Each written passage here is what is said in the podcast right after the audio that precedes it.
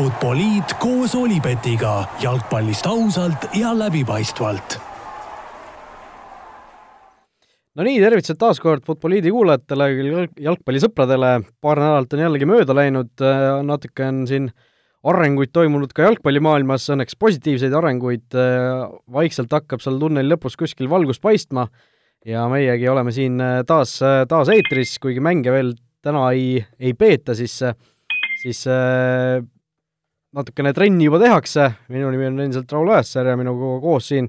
Joel Hindermitten, no Joel, räägi, mis olukord praegu on, me teame, Eesti klubid said hakata nüüd äh, mõned päevad tagasi juba trenni tegema, sa oled praegu ka Flora riietusruumis, nagu ma aru saan siit äh, Skype'i vahendusel, räägi, mis, äh, mis olukord praegu üldse on? no tere, tere, Raul! no laupäevast alates hakkasime me treenima ja, ja need, kes, kui palju siin meediast lugenud on või vaadanud on, siis need reeglid või äh, kuidas, kuidas treenida võib ja tuleb, on päris sellised karmid ja, ja ette antud, et seal kümnestes gruppides kahemeetrise distantsiga mängijad ei tohi palli ei käe ega peaga puudutada äh,. kõik see selline,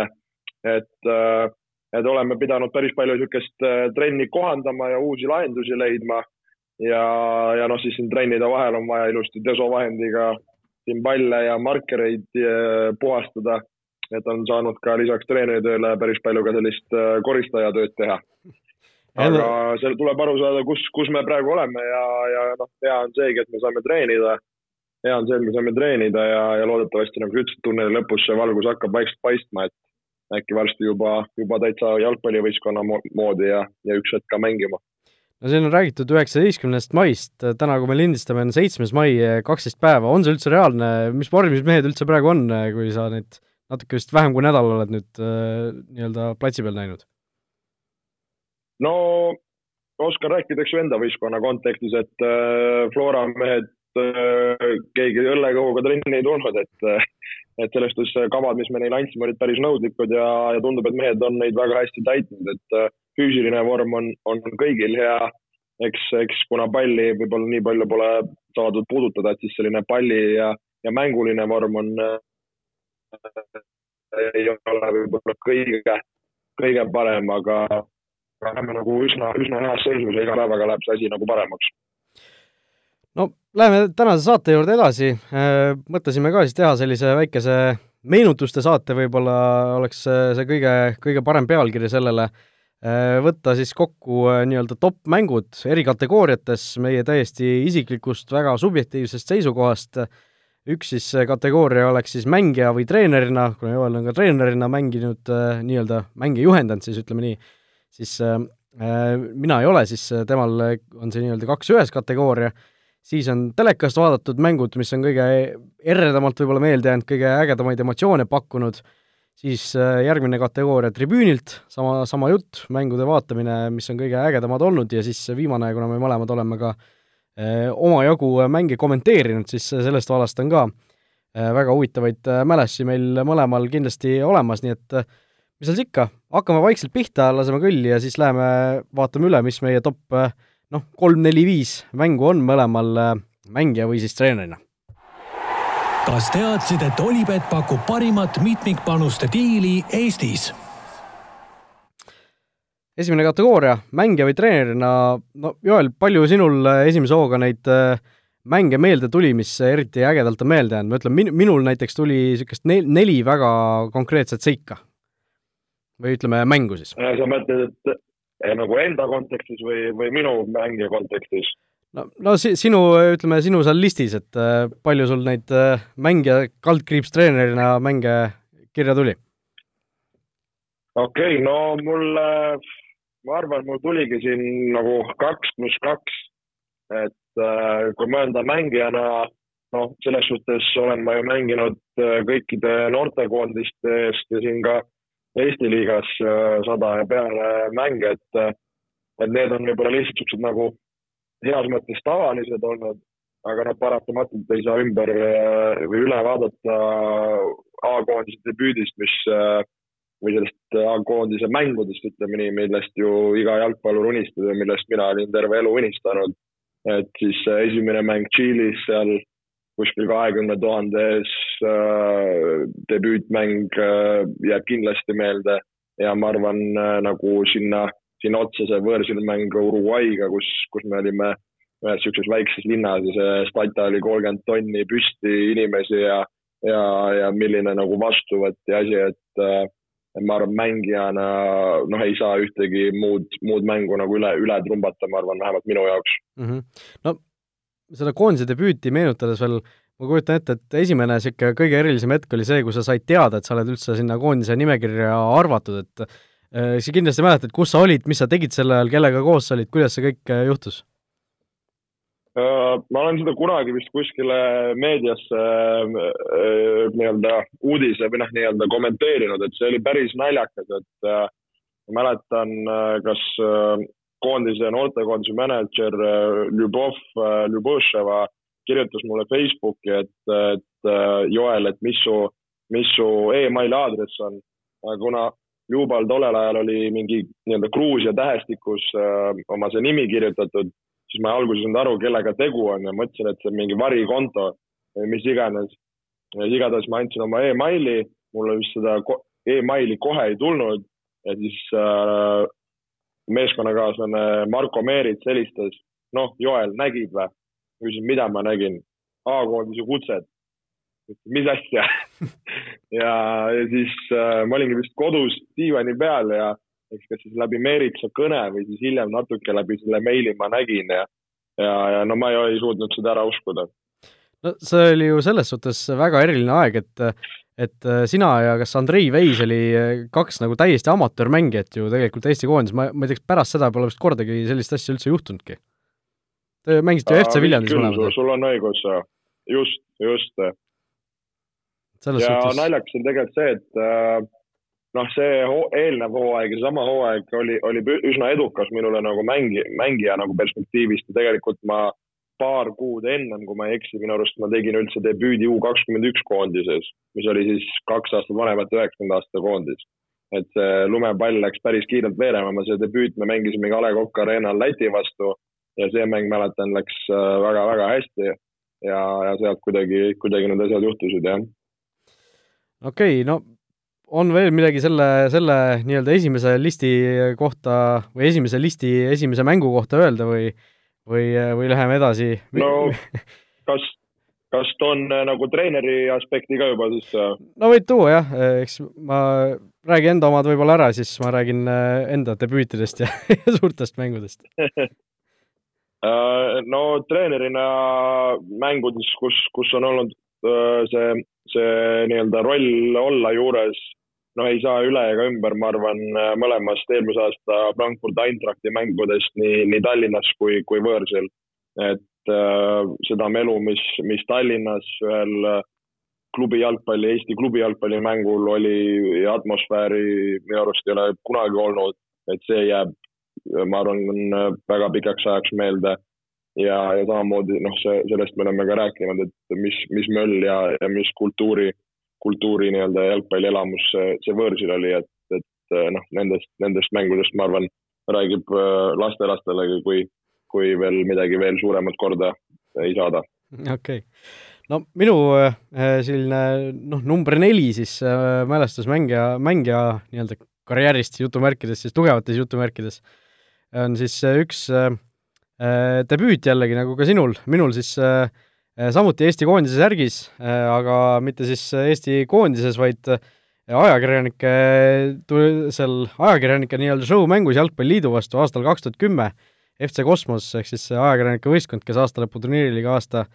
Jalgpalliliidu võistkonna vastu mängib, ma mäletan, et see debüüt oli selline, et ma olin just kaks tuhat kümme suve lõpus Sokkerneti üldse hakanud midagi kirjutama, samal päeval oli vist äkki fänniturniir, kus Sokkerneti võistkond pidi mängima. Ma olin seal äh, varem nagu kohal, ma kajastasin äkki mingit turniiri seal enne ja siis äh, järsku kuulsin, et mingisugune ajakirjanike mäng on ka ja öeldi mulle ka, et noh, sa ei taha tulla mängima, ma ütlesin, et no miks mitte, et mul asjad ju kaasas, et pärast oli see fänniturniir, kus Sokkerneti võistkond pidi niikuinii mängima, et et noh, ma just tulen, tulen teen asja ära, on ju, ja ja ma vaatasin, et ajaloo annaalid küll täielikult vaikivad sellest minu, minu debüüdist, sellepärast et kuna me, mind ei olnud seal eelnevalt üles antud, vaid ma liitusin nii-öelda alles riietusruumis, siis äh, igasugustes mängijate nimekirjades mind ei ole millegipärast. pildi peal olemas, nii et ma igaks juhuks selle vaatasin üle, et ma tegelikult ikka mängisin seal.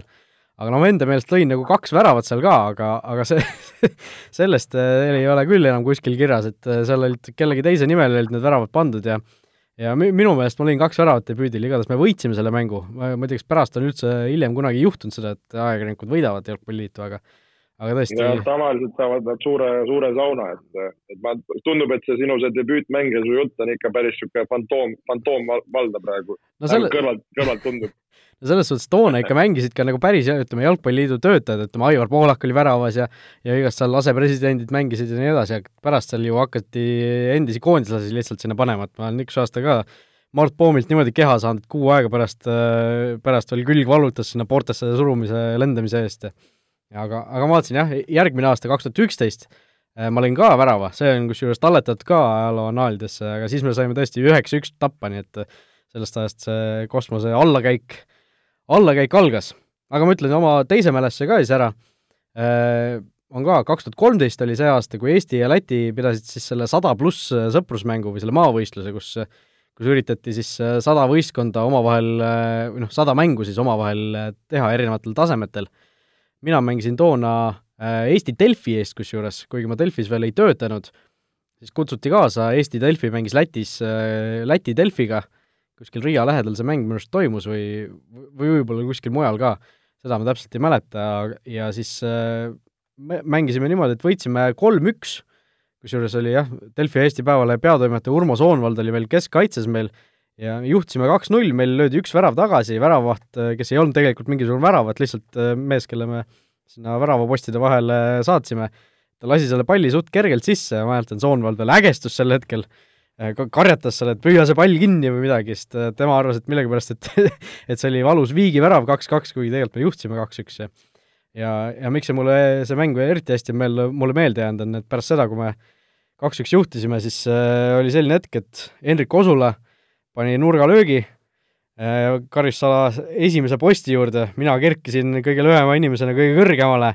peaga suunasin ideaalse pealöögi tagumisse ristnurka ja see oli ikka vägev, see oli vägev, äh, särk lendas seal seljast ära, kõik celebration'id, asjad, et et selliseid hetki on ka minu jalgpalli äh, jällegi jutumärkides karjääris, karjääris leidunud. Aga sina võid nüüd edasi minna. no väga uhke, väga uhke, Raul, väga uhke. Nii, Joel, sina, sinu järgmine mälestus? Äh, järgmine mälestus, äh, siis äh, kas me räägime nähtud mängudest? sul mängija-treenerina rohkem, rohkem praegu ei ole? no ma nemad, need valisin välja, et teisi ma ei suutnud sinna isegi kõrvale pannagi, et need ei konkureerinud seal, seal kategoorias. okei okay,, siis mul on paar tükki veel. üks oli äh, üks oli siis äh, Tartu Ülikooli meistrivõistlused futsalis, äh, kunagi oli ülikooli ajal sai sellist võistlust mängitud, ma mäletan, legendaarne Maksim Mitrofanov veel korraldas neid seal Tüski spordihoones, meil oli väga hea punt koos, äh, mina olin väravas, futsalis mulle meeldib väravas olla, ma tegin raudselt elu parima turniiri, no ma pole elu sees nii hästi mänginud, ausalt. finaalis saime napilt, napilt tappa, ma nii lootsin, et tuleb noh, parima, parim mängija, parim väravakütt, parim väravaht, nagu tavaliselt need auhinnad on, ja seda ei tulnud, saad aru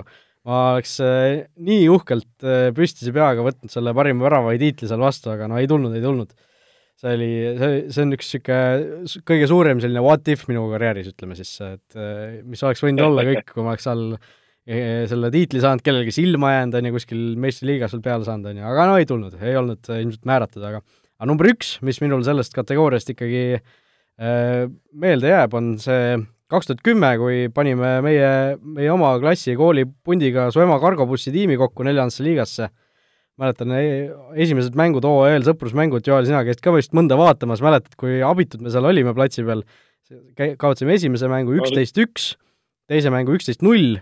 ja siis paar niisugust hooajalist sõprusmängu olid veel, mis me tappa saime ja siis äh, mille ma siia välja tõin, on see esimene, esimene nii-öelda liigamäng, see oli Eston Villa vastu, selline tiim on madalamates liigades kaotasime küll neli-null, aga mäletan, et hoidsime avapoole nullil, äh, esimene värav tuli veel ebaausalt, äh, pall äh, ei läinud tegelikult meie mängijast out'i, kohtunik andis nurgalöögi, sealt löödi ära, nii et mis oleks kõik veel võinud olla. aga, aga see oli selles suhtes äge mäng, et kuigi me kaotasime, kaotasime neli-null, siis arvestades seda, kui suurelt me olime OEL tappa saanud, siis näitas meile ikkagi, et me me natuke mängida oskame, saame seal liigas hakkama ja seal juba järgmises voorus avasime punktiarve, nii et tegelikult oli väga äge aeg ja väga äge hooaeg ka minu jaoks,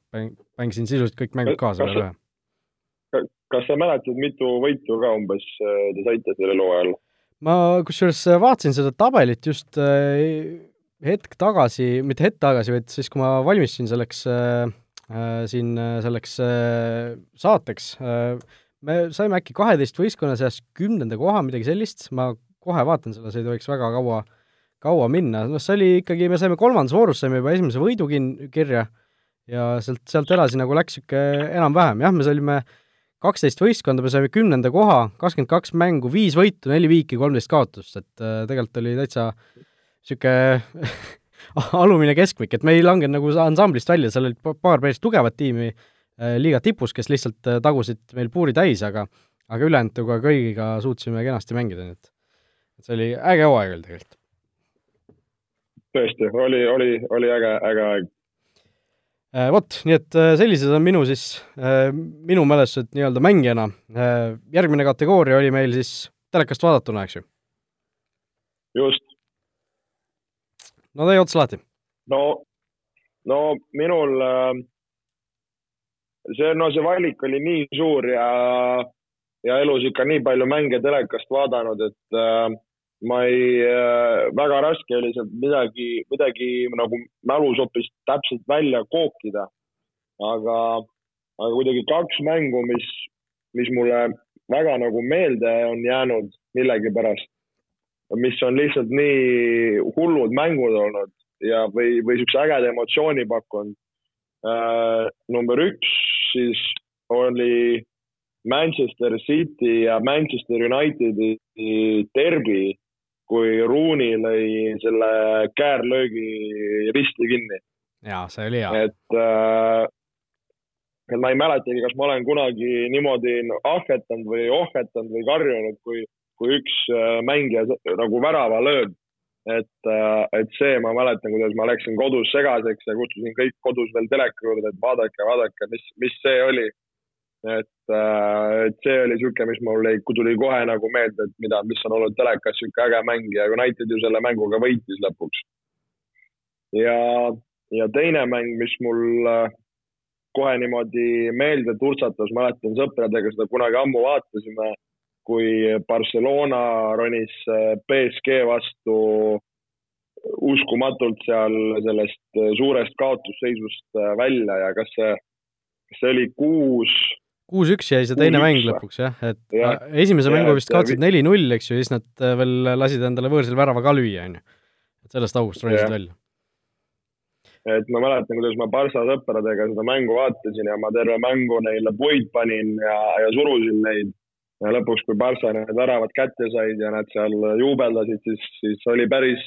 päris kehv äh, meel seal. aga, aga selles suhtes nagu noh, täiesti segane ja ulmeline mäng selle koha pealt no minul on ka selle mängu kohta niisugune oma mälestus tegelikult rääkida ja selles suhtes, et äh, mäletan, äh, ma sõitsin vist Tartusse siis, kui see mäng algas, ma jõudsin niimoodi kohale, et see mäng oli natuke käinud,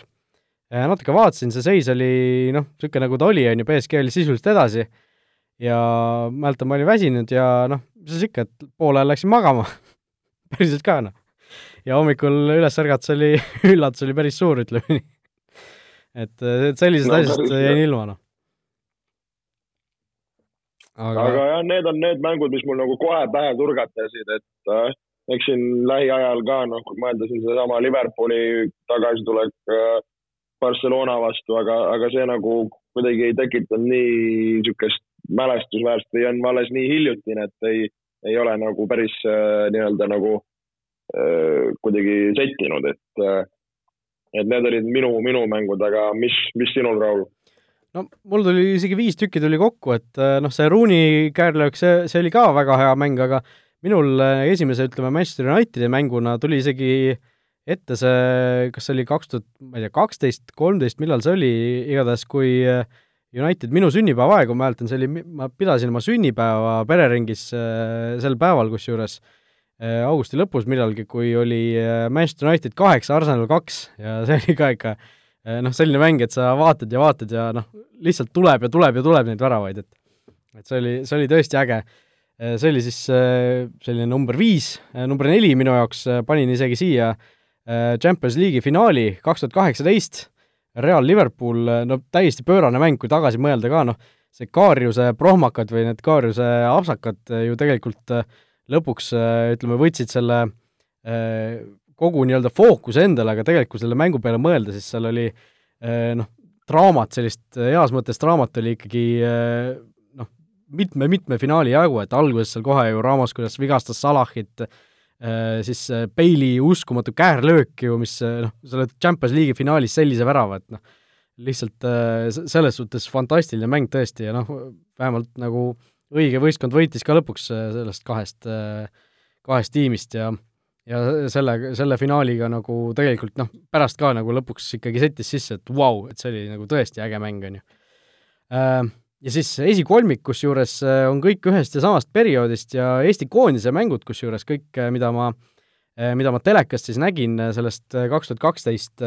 kuulsast EM-valiktsüklist, et kolmandale kohale ma panin selle kõige esimese mängu üldse selles valiksarjas Eesti jaoks Fääri saarte vastu kodus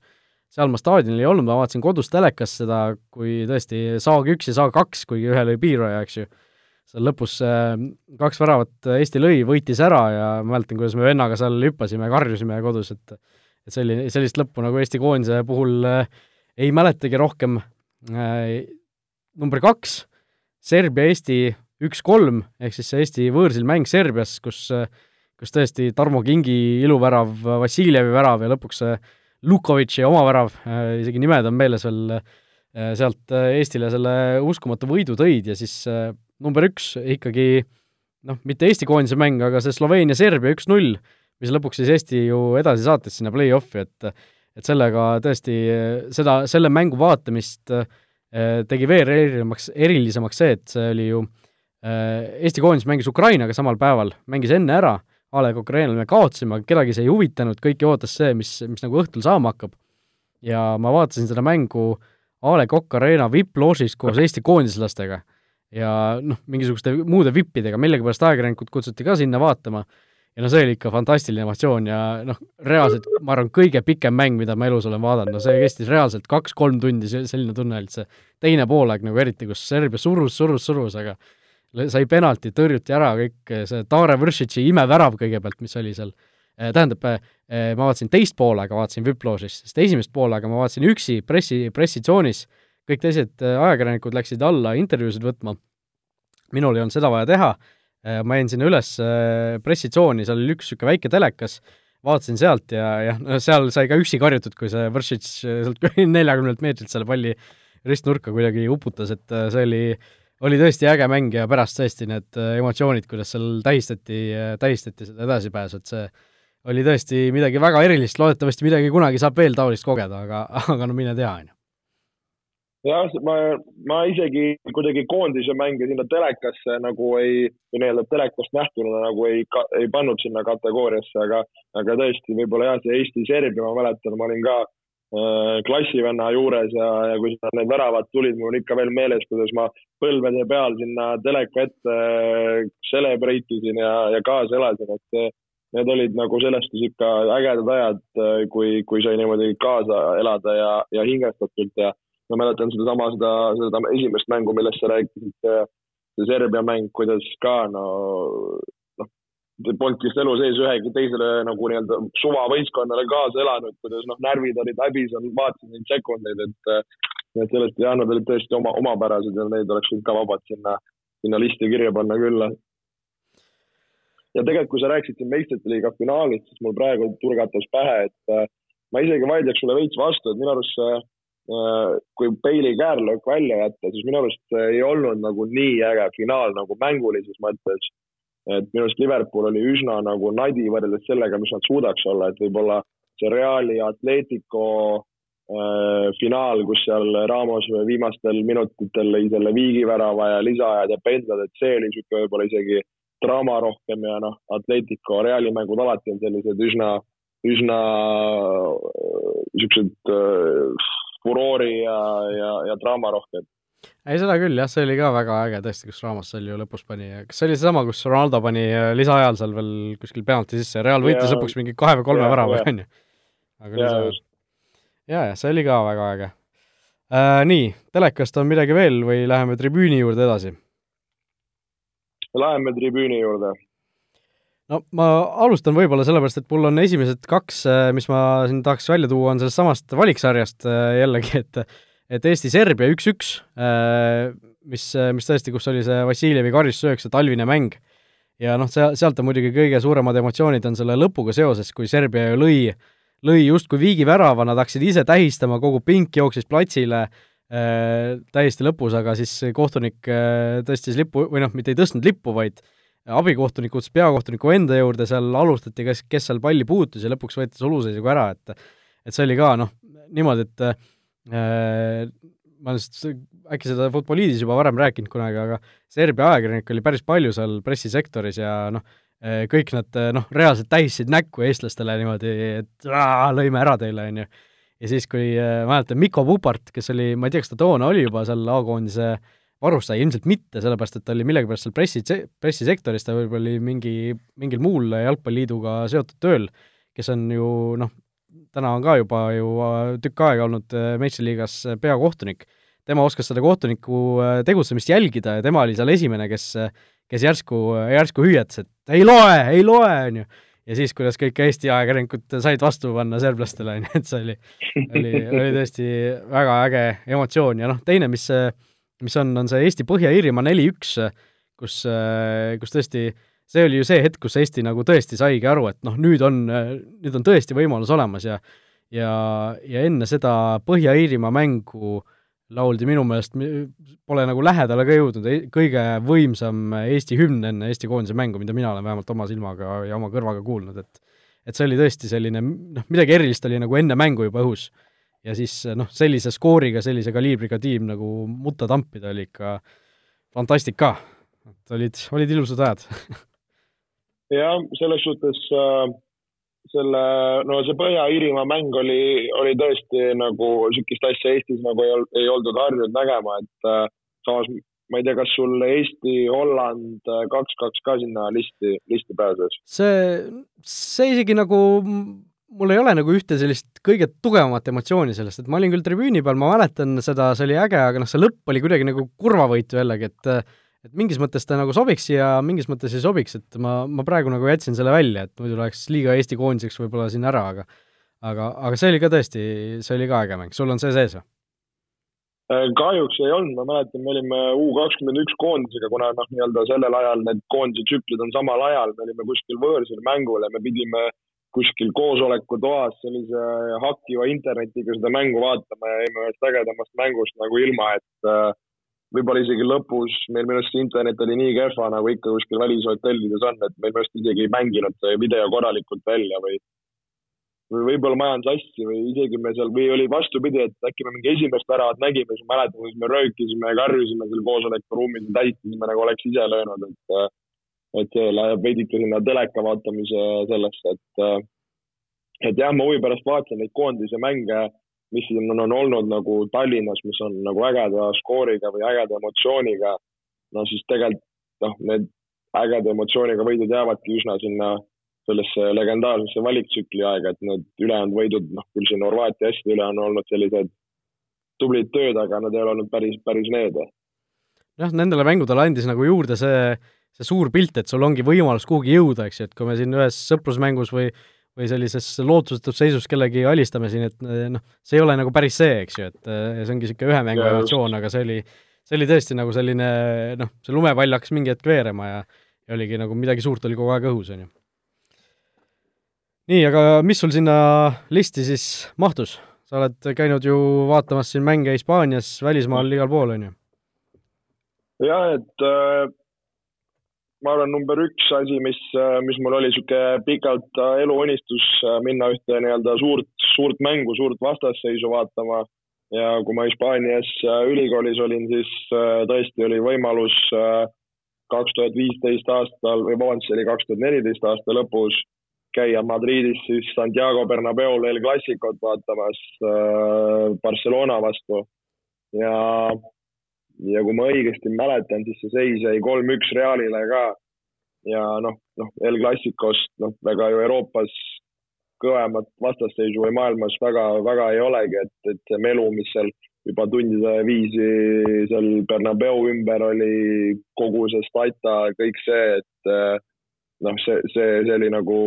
väga-väga äge emotsioon ja see oli täpselt niisugune hetk, kus, kus näha oma silmaga seal Ronaldot Messit toimetamas, eh, noh, oli, oli ikka väga-väga vinge, et eh, käinud ka, eks ju, siin Premmi ja ja, ja Itaalia liigat vaatamas, aga need pole nagu nii, nii võimast emotsiooni nagu pakkunud, et äh, see mäng nagu selles suhtes äh, oli nagu üle, üle prahi. ja, ja ma arvan, võib-olla teine mäng, mis, mis oma silmaga nähtud on, ma arvan, see, seesama supercup tegelikult, mis siin Tallinnas peeti, et, et sa nagu päris sür oli minu jaoks tol ajal mõelda, sa istud A Le Coq Arena'l, sa vaatad Real Madridi, Atletico Madridi need mängijad on su nina ees, sul on, ma ei tea, Tallinna inimesed ümber, et see kuidagi, kuidagi oli nagu omaette võlu ja, ja noh, see stata oli täis ja, ja tegelikult nii mõlema, mõlemad fännid nagu tegid päris, päris korralikku nagu mürglit, et, et ma arvan ka niisugune noh, teistpidi äge, äge kogemus siis nagu Eesti pinnalt. Jah, minule ka see mahtus äh, kindlasti sinna top viie sisse, see super, äh, UEFA superkarikas siis Eestis, mis tõesti oli noh, see oli, see oli nagu äge mäng ka, et see ei olnud lihtsalt äh, mingisugune, lihtsalt, et Atletico ja Real tulevad siia ja mängivad, aga see oli nagu tõesti kihvt mäng ka ja kohe algusest peale hakkas seal ju tulevärk pihta, aga aga minul teisele kohale äh, mahtus äh, ka Lionel Messi nägemine, aga mitte Messi pärast äh, või, või El Clasicos, aga hoopis teises sellises äh, kontekstis, et ma käisin ju kaks tuhat kaheksateist, äh, käisin suvel Delfi ajakirjanikuna vaatamas jalgpalli MM-i ja seal tõesti Islandi ja Argentiina mängu nägin seal kohe, esimene voor oli see vist alagrupis. ja üks-üks tulemusega see mäng lõppes, Aguero lõi kohe alguses või noh, esimesel poolel Argentiina juhtima ja, ja siis vastati teiselt poolt, kas oli see äh, Finn Bogasson, kes lõi Islandi viigivärava, aga aga noh, mis oli äge, oli see, et noh, ma läksin sinna sisse, see oli mu esu, elu esimene MM-i mäng, ma ei osanud midagi oodata, ei osanud, ei osanud nagu midagi äh,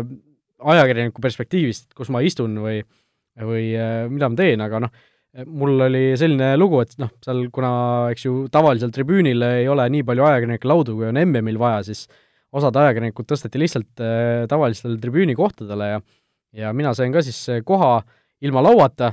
Läksin siis vaatasin äh, ja selgus, et ma istusin, äh, kas oli teises reas vist, äh, täiesti väljaku keskel pinkide taga põhimõtteliselt. et mul oli päris, päris nagu lähedalt nägin ka seda suurt mängu ja ja tõesti oli äge vaadata ja noh, see, kuidas Messi seal penaltil eksis, Haldorson tõrjus selle penalti ju ära ja ja mis melu seal tribüünidel oli, argentiinlased ja noh, seal staadioni ümber juba seal kolm-neli tundi enne mängu, et et see oli, see oli tõesti väga kihvt ja ja MM-ilt tegelikult äh, väga hästi jäi meelde ka Mehhiko ja Saksamaa mäng, mida ma samuti vaatasin, mis lõppes ju Mehhiko võiduga. Ja kus tõesti noh, seal Mehhiko fännid olid äh, reaalselt nii õnnelikud, et kui ma üritasin pärast sealt äh, tribüüni pealt äh, läbi siis äh, publiku treppide, kus ma pidin minema, pidin sinna alla pressiruumidesse minema, siis tõesti kaks Mehhiko fänni täiesti eraldiseisvalt äh, tulid, kallistasid mind, äh, üks suudles mind põse peale lihtsalt suurest rõõmust, on ju, et ma, ma ei tea, kas ma tun-, tundusin neile sakslase moodi välja nägevat või midagi, noh, neil oli, see oli nagu selline äh, nagu lohutuskallistus tundus vähemalt, et äh, nad vist arvasid, et ma olen sakslane, kes seal nukral viisil kuskile ära läheb, aga aga, aga noh, see oli ka väga äge, aga, aga number üks minul äh, kusjuures äh, on äh, hoopis kodune premium-liiga ja aasta oli vist kaks tuhat üksteist, kui mängisid Levadia ja Flora Kadrioru staadionil, äh, Levadia ja Flora mängud Kadriorus on alati ägedad olnud, noh, mäletame kas või seda Paraiko punast kaarti ja seda skandaalset asja seal ja aga kaks tuhat üksteist mängiti selline mäng, kus Levadia võitis Florat viis-neli, no see oli ikka selline andmine, et sellist ma pole Eestis rohkem näinud Igor Morozov, Levadia keskkaitse lõi kübartrikki penaltitest et see oli, noh, see oli täiesti nagu sürreaalne mäng kuidagi ja, ja väga teravalt on nagu meelde jäänud see. ja kuidas pärast ja Morozov ma..., Morozov, Morozovi käest küsiti, et kuidas sa nii rahulik oled penaltid lüües, et noh, ta ju lõi kõik põhimõtteliselt sisse, mis, mis tal oli ja siis ta ütles lihtsalt, et noh, et mis seal, mis seal keerulist on, et vaata, valid koha välja, ristnurga ja lööd, on ju, et noh, ei midagi erilist, on ju. et noh jah, seda viimast mängu ma mäletan, äh, vaatasin, vaatasin telekast, et see oli, see oli ka ikka, noh, Eesti kontekstis ikka väga äge mäng ja noh, sellist asja ikka tihti sa ei näe, et üks mees esiteks nii palju penalteid tuleb ja et see üks mees kõik need ära realiseerib ja noh, viis-neli, see on ju sihuke, sihuke hoki, hokiskoor, et, et päris, päris ulme selle koha pealt. aga jah, kui ma kuulasin su seda MM-i juttu, siis mul tõesti tuli, tuli kadedus peale, et kahjuks ise veel ei ole ei EM-ile ega MM-ile jõudnud, et äh, kindlasti tahaks selle, selle plaani võtta, aga noh, siin on, kuna alati on ka siin noh, suvisel ajal tavaliselt ka Eesti nii-öelda liiga käimas, siis ei ole kõige lihtsam siin nii-öelda ära, ära sõita, et kuule, ma nüüd lähen MM-ile, et, et mängud ja, mängud ja töö on siin, nii et loodame, et ükskord äh, juhtub see, et näen, näen ka MM-i. no kaks tuhat kakskümmend kaks on MM ju talvel, nii et äh, suur võimalus. Nojah, vaatame, kas see Katar pärast, pärast kõike pistid ja jamad äkki, äkki võetakse nüüd hoopis ära see. no mine tea, igatahes äh Äh, sellised minu tribüünimälestused on, tõesti, kusjuures kui seda Island-Argentiinat ma vaatasin teises reas, siis ma vaatasin Venemaa-Saudi Araabiat, see oli vist viimane alagrupi mäng äkki, seda ma vaatasin seal äh, Peterburi uhkel staadionil, see oli, seal ma reaalselt vist teine rida ülevalt. Noh, noh täiesti, täiesti katuse all, et et selline, selline nagu erinevus siis ajakirjanike töötingimustes, aga seal mul laud kenasti olemas ja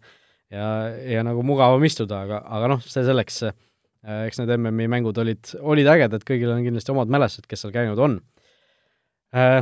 Ja jõudsime siis kommenteerimise juurde, ehk siis parimad mängud, mida kommenteerinud oleme või kõige mälestusväärsemad. Joel, võid otsa lahti teha? No pean jälle mainima, et oli, oli raske seda valikut teha kuna ka üsna palju neid juba kogunenud on äh, erinevatest mängudest, nii, nii meistrite liigast, Euroopa liigast kui siin äh, äh, Inglise liigast, aga, aga kaks tükki, mis mul endal kohe nagu meelde tulid ja, ja, ja mille peale mõtlesin, noh, ma olen üsna kindel, et ka sinul on see nimekirjas, on äh, see legendaarne Barcelona-Rooma mäng Rooma olümpiastaadionil, kus kus Rooma seal ka tuli kaotusseisust välja, kas see oli kolm-null ja said esimese pähe ja siis neli-null võitsid või, oli nii? null kaks ja kolm-null äkki või, või midagi sellist. nii, nii palju ennast vist ei löönud, kusjuures see tulemus on jah. nagu meelest läinud, aga noh, minul on see number üks, ma võin kohe ära öelda, et et see jah, kolm-null oli see teine mäng, et et Kostas Manolase värav, et noh, see oli, see oli ikka niisugune emotsioon, mida nagu väga harva tunneb, ütleme, seal puldi taga, et no ma ei tea, kas me mõlemad hüppasime isegi püsti ja karjusime lihtsalt. Ja, et tavaliselt isegi kui oma lemmikklubid mängivad ja väravaid löövad, siis me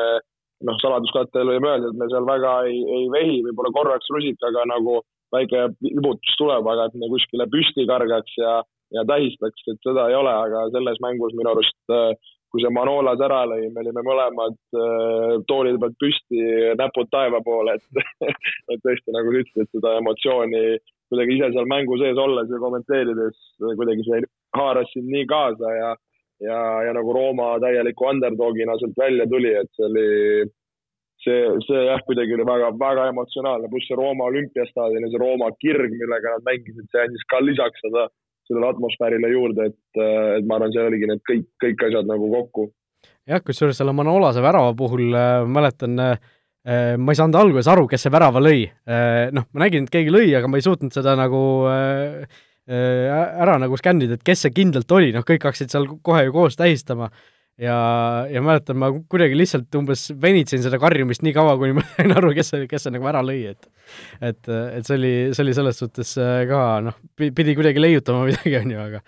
aga see oli, see oli tõesti, see oli tõesti väga äge mäng ja minu kindlasti number üks äh, nendest mängudest, mida ise kommenteerinud oled, nagu just selle elamuse poolest, et et tõesti üks, üks-neli vist said võõrsil pähe ja kolm-null kodus võitsid, noh, see oli tõesti jaa, just, just, just, ma mäletasin mingit nelja seal et, et tõesti suurest august ronisid välja.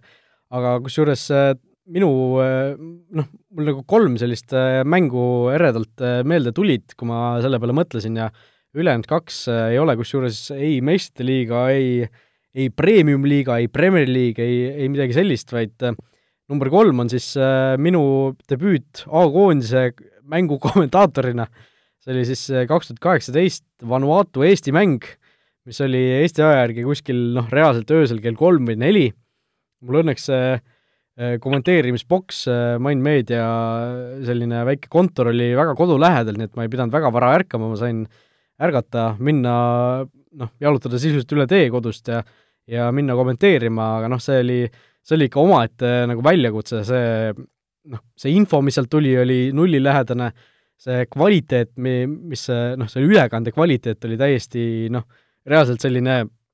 umbes selline pilt, nagu kuskil kahe tuhandendate alguses kuskil netistriimist mingisugusest algelisest tuleks, on ju, et see hüppas, see läägis, see oli katkendlik seal, ma ei tea, vahepeal mitu minutit kadus üldse ära, on ju, sa ei saanud aru, mis seal toimub, see kaameratöö, vahepeal suumiti noh, reaalselt niimoodi, et üks mängija oli kaadris, siis oli jällegi väga kaugelt, noh, selline väga kummaline, kummaline teletöö oli seal. aga noh, mis minu suur kahetsus selle mängu osas on, on see, et Eesti lõi seal värava äh,, Frank Liivaku, ma ei tea, kas ta on vist rohkem ka löönud ikka, see ei ole ta ainus koondise värav. aga igatahes üks vähestest koondise väravatest, mis Frank Liivak üldse lööb ja iga kord, kui ta seda Youtube'ist äh, tahab järele vaadata, siis mina karjun seal, et Albert Prosa lõi värava sellepärast, et et see ka, noh, Youtube'is saab seda järele vaadata ka, seal Youtube'is on selline nagu puhtam versioon, mina aga nägin seda natukene veel sellisemalt eh, noh, katkendlikumalt ja, ja udusemalt, noh, Prosa ja Liivak on seal kahekesi koos, üks lööb, Prosa on nagu esi-, noh, tundub nagu loogilisem vend, kes seda palli või oleks võinud lüüa ja sellepärast ma just hakkasin tema nime karjuma, et kas seal ei olnud ka mingit rebound'i või ma nagu mäletan? oli, oli jah, seal oli, pall oli lahtine ja siis nad kahekesi nagu olid seal mõlemad kõrv, kõrvuti ja siis äh, Liivak lõi nagu, Liivak oli vist pikali või nagu mitte pikali, aga kuidagi nagu madalamal, niimoodi Prosa nagu tundus nagu loogilisem lööja olevat. ja, ja mulle tundus, noh, ma hakkasin kohe hüüdma, jee, Eesti värav ja Prosa lõi, aga tegelikult noh, kui sa vaatad ka Youtube'is, siis need noh, alla tuleb kiri, et null üks Frank Liivak, eks ju, et et mitte Prosa, et et äh, jah, minu siirad vabandused äh, Frangi ees, et selline kole apsakas läks läbi, et ei saa nagu ümber ka või üle, üle niisugust asja teha, et et selliseid asju juhtub ja minul juhtus siis esimeses, elu esimeses koondise mängus, aga noh, minu, minu suur vabandus on see, et see pilt oli tõesti kohutav ja seda mängu oli väga-väga raske kommenteerida, et ma tegin ühe mängu veel pärast seda, kas see oli äkki Fidži või Uus-Kaledoonia, ma ei tea, kumb see oli, aga et see oli, see oli ka päris keeruline ikka, et et, et tõesti neid, neid mänge on, on raske teha. Aga, aga minu number kaks on, on siis nagu ma ütlesin, ei, ei mingit selliselt traditsiooniliselt asjalt, mida me kommenteerinud oleme, vaid hoopis kaks tuhat kuusteist suvi ja Rio olümpia, Nigeeria-Jaapan alagrupi mäng. Sellist, sellist mängu olen ka kommenteerinud seal Viasat Sport Balticu eetris. kell neli öösel Eesti aja järgi algas ja noh, see oli, see oli ka väga pöörane mäng, ma tõmbaks natuke paralleele selle äh, Levadia ja Flora mänguga, sellepärast et ka see mäng lõppes viis-neli, Nigeeria võitis viis-neli siis äh, Jaapanit, aga mis oli selle juures kõige ägedam, oli see, et äh, et tõesti äh, kaheteistkümnendaks minutiks oli seis kaks-kaks ehk siis mäng algas nagu noh, reaalselt niimoodi, et üks lõi värava, mängiti lahti, teine lõi värava, üks lõi värava, teine lõi värava, et tõesti, väravad löödi siis Nigeeria lõi kuuendal minutil, Jaapan vastas üheksandal penaltist, Nigeeria vastas kümnendal minutil ja Jaapan lõi kaheteistkümnendal minutil kaks-kaks, et äh, kusjuures selle Jaapani teise värava lõi praegune Liverpooli mees Takumi Minamino, äh, mida ma ka nüüd hiljuti teada sain, kui ma selle mängu uuesti, uuesti nagu üles otsisin ja et, äh, et selline mees nagu äh, mis ta nimi oli, Ogenekaro Etebo lõi Nigeeria eest neli väravat selles mängus. äh,, ei teagi, mis tast praegu nagu saanud on, vaatan huvi pärast Vikipeediast, mängib, aa, mängib Getafest, Getafes, Stoke Cityst laenul, nii et et äh, ei lähe sugugi väga halvasti, ütleme nii. aga, aga tõesti, see oli nagu väga, väga äge kogemus ja ma mäletan, kuidas noh, hoidsin umbes peast kinni seal, noh, üksi kell neli sul und ei ole või noh, und ei ole, samas sa oled unine, on ju, ja, ja lihtsalt äh, selline tulevärk käib sul ees, aga mis oli kõige omapärasem asi selle mängu juures, oli see, et kui ma vaatasin, võtsin äh, nagu enne mängu koosseisud lahti, vaatasin Nigeeria, ahaa, varumehed, oota, mis asja, Aminu Umar on, äh, selline mees on varumeeste seas, mõtlesin, et kuidagi tuttav nimi, on ju. ja siis äh, lõpuks mõtlesin välja, samal päeval, noh, kui see oli kell neli öösel, siis eelneval õhtul oli Nõmme Kalju mänginud Osmanli Sporriga, selline mäng, selline mäng oli, oli, kui Kalju jõudis päris kaugele, eks ju, Euroopas, Euroopa liiga sellise. ja, ja ma, ma nagu jagasin ära, et Aminu Umar mängis äh, kes oli Rio olümpial, ta oli pingi peale nimetatud Nigeerial, oli seitse tundi varem mänginud äh, minu silme ees Kadrioru staadionil ehk siis äh, mõtlesin, et oota, mis asja, on ju. et äh, ja siis noh, ma natuke guugeldasin seal pärast, vaatasin, et jah, et ta oli nagu pingil nimetatud, see oli mingi formaalsus, et ta pidi nagu koondisega liituma pärast seda Nõmme Kalju mängu, et et ta ilmselt oli kuskil lennuki peal tegelikult sel ajal, aga, aga ta oli nagu reaalselt koosseisu nimetatud, aga noh, see oli nagu alguses oli niisugune ehmatus, et no, no mõtle, mitu või noh, mitu inimest saavad niimoodi üldse öelda, et neil on selline asi kokku juhtunud, et nad on ma ei tea, seitsme või kaheksa tunni jooksul on maailma kahes eri otsas on nagu koosseisudesse üles antud täiesti nagu legaalselt, et see oli, oli nagu päris äge, äge avastus sellega mänguga veel seoses. okei okay., no mis mina veel enda puhul välja tooks kommenteerimise mõttes äh, et äh, nagu sa tõid siin natuke rääkisid ka koondisest, siis ma arvan, see viimane koondise mäng Hollandis, äh, mis, mida oli võimalik koha peal äh, olla ja kommenteerida, et see noh, mäng küll ise kõige parem ei olnud, ei olnud tulemus, aga kogu see Amsterdam, selle Cruyffi Arena, kui, kui suur see oli, kui, kui uhke kogu see melu seal ümber, kuidas, kuidas oli võimalus seal stata ääres liikuda ja, ja kõik see et äh, pluss, pluss see täismaja, et, et selles suhtes äh, see kindlasti jääb väga meelde ja olen nagu väga, väga tänulik selle, selle võimaluse üle. ja, ja küll see noh, natukene võib-olla ka see Champions League'i finaal, mida oli võimalus äh, kommenteerida, kui oli Liverpool Tottenham, et äh, mäng ise oli küll üsna möga, aga, aga äge oli ikkagist niisugust äh, suurt, suurt finaali ka teha jah, et äh, ma ei tea, kas ma olen mõnda finaali tegelikult, ei vist kunagi ikka mingit FA karikaid ja asju. me tegime, me tegime vist koos tegime Euroopa liiga finaali, kui ma ei eksi. see, see ka tõesti, et et need, äh, see, see oli, see oli muidugi väga igav mäng, on ju, see oli ju, kes seal Chelsea ja Arsenali vahel on ju, et äh, kus oli tõesti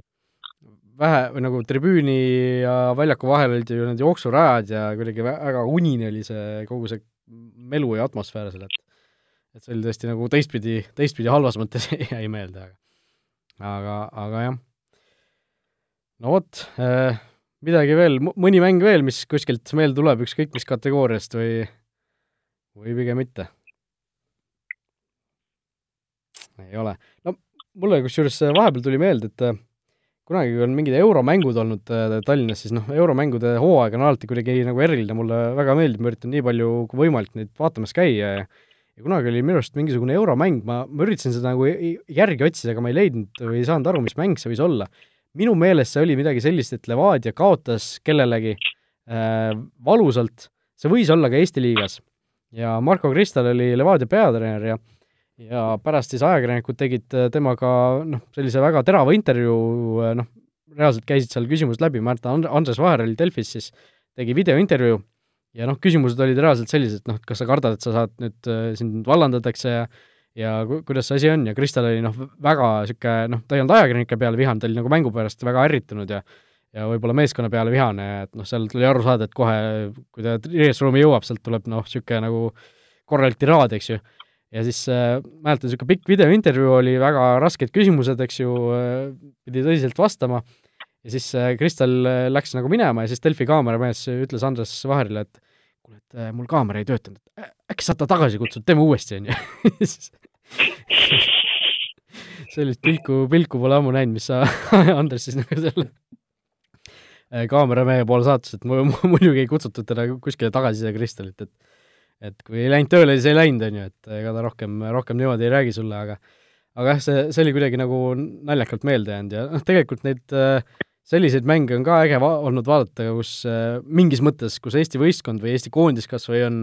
on nagu mõne selgelt nõrgema võistkonna vastu kas kaotanud või, või viigi teinud, et mäletan, kui see Differdange äh, Luksemburgi klubi mängis Levadia vastu, siis oli Puštov oli peatreener veel.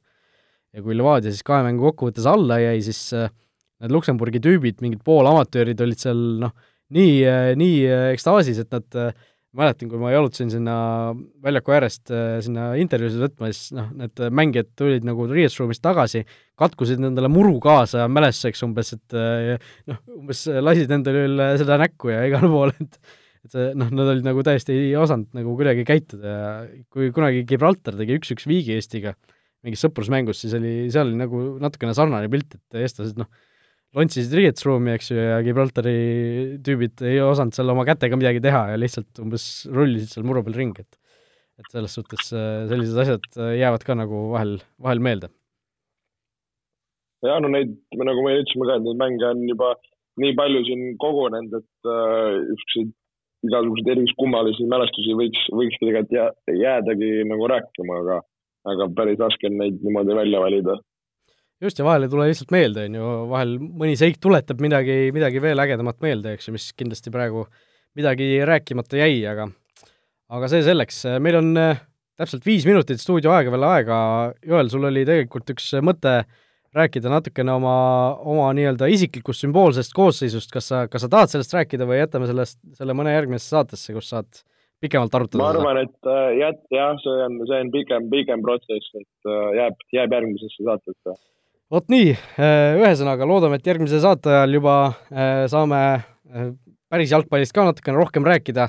Äh, mitte ainult mälestustest või, või sümboolsetest koosseisust või edetabelitest äh,. igatahes loodetavasti kõik püsivad terved äh, nii platsi peal kui platsi kõrval ja loodetavasti saame varsti juba siis jalgpalli tõesti kaasa hakata elama, nii et Joel, olge teie Floras ja Premiumi liigas üldse tublid, ärge rikkuge reegleid äh, ja, ja püsige terved, mis seal siis ikka! Aitäh, Raul, olge terved! vutiviikendi parimad kohvid leiad Olipetist